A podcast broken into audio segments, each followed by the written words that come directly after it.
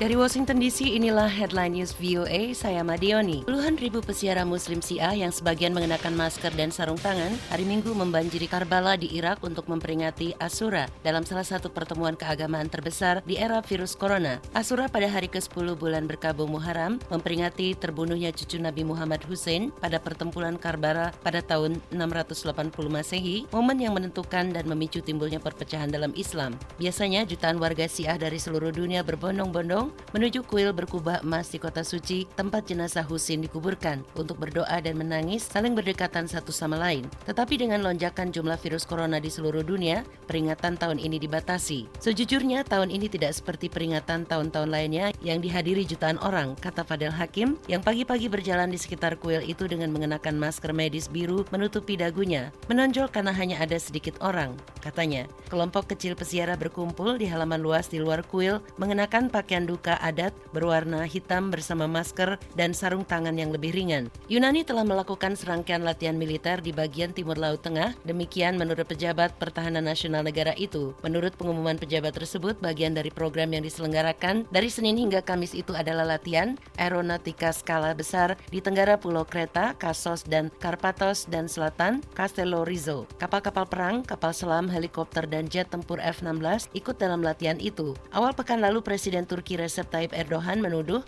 Yunani membahayakan keselamatan navigasi dengan latihannya. Dalam beberapa pekan terakhir, pasukan Turki dan Yunani terlibat dalam serangkaian latihan militer di laut antara Siprus dan Pulau Kreta Yunani. Konfrontasi tersebut dipicu ketika Turki mengirimkan kapal penelitian disertai kapal perang untuk mencari cadangan gas dan minyak. Yunani anggota Uni Eropa mengklaim perairan itu adalah bagian dari lempeng wilayahnya dan telah meminta dukungan dari blok 27 negara itu yang mengecam kegiatan ilegal Turki dan memperingatkan potensi sanksi terhadap Ankara. Turki mengatakan Yunani dan negara lainnya menyangkal hanya untuk mengeksplorasi sumber daya energi di Laut Tengah.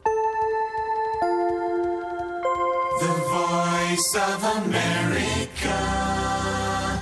India telah mencatat rekor 78.761 kasus virus corona dalam 24 jam terakhir, lonjakan satu hari terburuk di dunia, sementara pemerintah terus melonggarkan pembatasan pandemi secara nasional. Kementerian Kesehatan pada hari Minggu juga melaporkan 948 kematian dalam 24 jam terakhir, menjadikan total kematian menjadi 63.498. India sekarang memiliki beban kasus virus corona harian yang bertambah paling cepat di antara negara mana pun di dunia dan telah melaporkan lebih dari 75 ribu infeksi untuk hari keempat berturut-turut. Lonjakan hari Minggu itu telah meningkatkan perhitungan total virus di negara itu menjadi lebih dari 3,5 juta dan terjadi ketika India membuka kembali jaringan kereta bawah tanahnya dan mulai bulan depan mengizinkan acara olahraga dan keagamaan secara terbatas sebagai bagian dari upaya untuk menghidupkan kembali ekonomi. Salah satu alasan dibalik peningkatan kasus adalah pengujian. India sekarang melakukan hampir satu juta tes setiap hari dibandingkan dengan hanya 200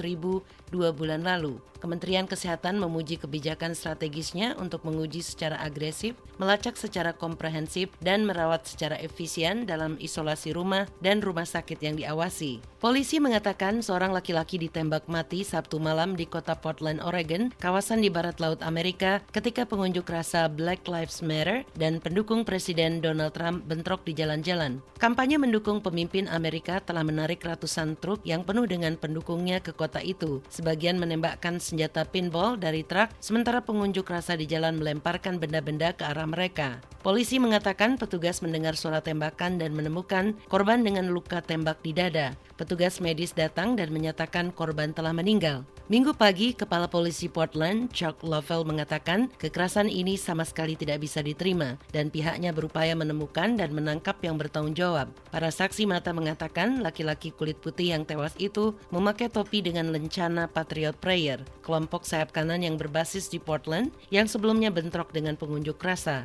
Joy Gibson, pemimpin kelompok yang berbasis di negara bagian Washington, mengatakan kepada The Associated Press ia mengenal laki-laki yang tewas itu.